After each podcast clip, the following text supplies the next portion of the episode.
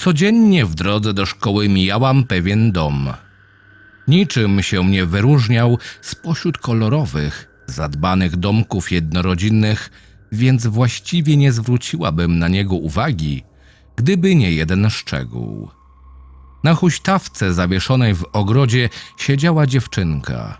Miała pięć, może sześć lat, ubrana w białą sukienkę z rozczochranymi włosami. Wyglądała niezwykle malowniczo na tle ciemnego ogrodzenia. Głowę miała opuszczoną tak, że ciemna grzywka całkowicie zasłaniała twarz. Zdziwiłam się. Nie było jeszcze ósmej i choć słońce wyglądało z chmur, było czuć zbliżającą się jesień. Wzruszyłam ramionami i poszłam dalej. W szkole szybko zapomniałam o całym wydarzeniu, a gdy wracałam do domu, nikt nie huśtał się na starym dębie. Minął tydzień. Każdego dnia mijałam tajemniczy dom. Nigdy w oknach nie paliły się światła, nikt nigdy nie odsłonił żaluzji. Za każdym razem na huśtawce siedziała dziewczynka w białej sukience. Myślałam czasami, że musi być jej zimno bez butów i bez okrycia, jednak nigdy nie zatrzymałam się, żeby zapytać. Tego dnia było jak zwykle, jednak na wysokości domu 17 usłyszałam głos. Tak cichy, że pewnie bym się nie zorientowała, gdybym z przyzwyczajenia nie spojrzała na huśtawkę. Pobaw się ze mną. Zabrzmiało to jak westchnienie. Zamurowało mnie. Jestem z natury małą, sympatyczną osobą, świadczącą o sobie już samym wyglądem i generalnie dzieci się mnie boją. Nie mam teraz czasu, spieszę się. Poczułam się głupio, jakbym się usprawiedliwiała przed tym dzieckiem. By wyjść z niezręcznej sytuacji, założyłam słuchawki i puściłam mocniejszą muzykę, jak zwykle zresztą w takich sytuacjach, a gdy się ponownie obróciłam, wzrok dziewczynki był wbity w bose stopy szurające po ziemi. Podczas kolacji zapytałam rodziców, kto mieszka pod numerem 17. Nikt. Jest opuszczony, odkąd się wprowadziliśmy. Usłyszałam odpowiedź. Lekko zdezorientowana, rozmyślałam nad tajemniczym domem. Nie przejmowałam się samotnym dzieckiem, bardziej interesował mnie sam budynek. Dom z zewnątrz wyglądał na dobrze utrzymany. Trawnik był skoszony, a co najdziwniejsze, nigdzie nie walały się zeschnięte liście zdobiące wszystkie okoliczne ogrody. Następnego poranka sytuacja się powtórzyła. Kolejnego również.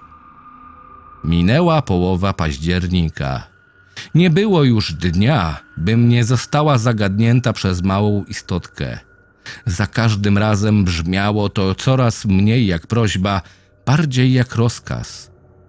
Czuję zupełnie irracjonalny, paniczny wręcz strach, tym większy, że nie jestem w stanie określić, co jest jego źródłem. Przeraża mnie sam widok dziewczynki. Czuję się obserwowana. Zmieniłam trasę, teraz idę dłużej, ale pomogło. Czasami w nocy widzę światła. W teoretycznie opuszczonym domu słyszę płacz, szepty. Mimo, że zawsze spałam dobrze, teraz odczuwam niepokój za każdym razem, gdy leżę sama w ciemności. By w ogóle zasnąć, słucham muzyki, przestawiając się na coraz mocniejsze brzmienia. Zaczęłam pisać. Sama nie wiem po co. Dzieje się coś dziwnego. Spadł pierwszy śnieg. Zawsze cieszyłam się z tego powodu, jednak dzisiaj biel za oknem mnie przeraziła.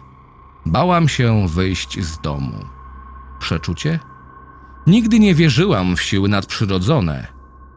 Idę po kostki w szarej brei, co chwila gwałtownie się odwracając. Najgorsza była cisza. Przez ostatnie dni przywykłam do hałasu, nie chcę włączać muzyki w obawie, że czegoś nie usłyszę. Nie skręciłam. Trafiłam znowu na starą ścieżkę. Staram się nie patrzeć, odwrócić wzrok, lecz oczy same błądzą w kierunku starego dębu. Nikt nie siedzi na huśtawce, nikt nie mógł na niej siedzieć od wczorajszego wieczoru, o czym świadczy warstwa śniegu na drewnianych deskach. Gdzie jest to dziecko? Co mu się stało? Drżą mi ręce. Ktoś tu jest. Musi być. Niemożliwe, by dziewczynka z własnej woli zrezygnowała. Odwracam się gwałtownie. Nic. Stoję sama na pustej ulicy. Nie mogę spać, myślę cały czas o dziewczynce. Ciężkie płatki śniegu uderzają o szybę, wiatr krzyczy, wyginając gałęzie rosnące przy oknie dębu. Mała dziewczynka w białej sukience, bezradna. Dlaczego o niej myślę? Musi marznąć w tym śniegu. Słyszę dziwny dźwięk. Nie umiałabym go opisać, gdyby ktoś mnie zapytał. Czuję strach, przerażenie, jednocześnie wiem, że to nie są moje uczucia. Otwieram oczy. Za oknem, przytulona do drzewa, stoi dziewczynka. Blada, prawie przeźroczysta, splątane włosy zasłaniają jej oczy, zśniałe usteczka drżą. Podchodzę do okna. Zrywa się gwałtowny wiatr, ciskając mi w twarz płatki śniegu. Nie pamiętam, żebym otwierała okno. Wchodzę na parapet, rozglądam się. Widzę wysoką postać w kapturze zmierzającą w naszą stronę. Moje ciało reaguje natychmiast, jeszcze zanim zauważam kolejne istoty. Za wszelką cenę chcę uratować to dziecko. Gałęzie, nienaturalnie wydłużone, sięgają mojego okna, nie uginają się mimo mojego ciężaru. Chwytam dziewczynkę i cofam się w głąb pokoju. Nie czuję zimna, nie czuję maleńkich palców wczepionych w moją szyję. Przerażona wpatruję się w okno. Najpierw widzę dwie ręce, po chwili przez parapet przeskakuje młody mężczyzna, chłopak. Długa szata luźno wisi na szczupłym ciele. Idzie powoli w naszą stronę, w jego ręce materializuje się nóż. W oknie pojawiają się kolejne postacie, lecz ja ich nie zauważam. Wpatruję się w twarz, dotąd skrytą pod kapturem. Na wyraz twarzy, sposób w jaki na nas, na nią patrzył, jakby oczekiwał polecenia. Ostrożnie obracam dziecko twarzą do siebie, jednocześnie czuję ból w klatce piersiowej. Ostatnie co widzę to wyraz triumfu w szalowo-szarych oczach.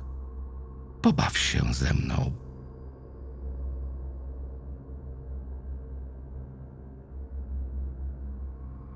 Czytał Krystian Kieś. Zapraszam do subskrypcji mojego kanału.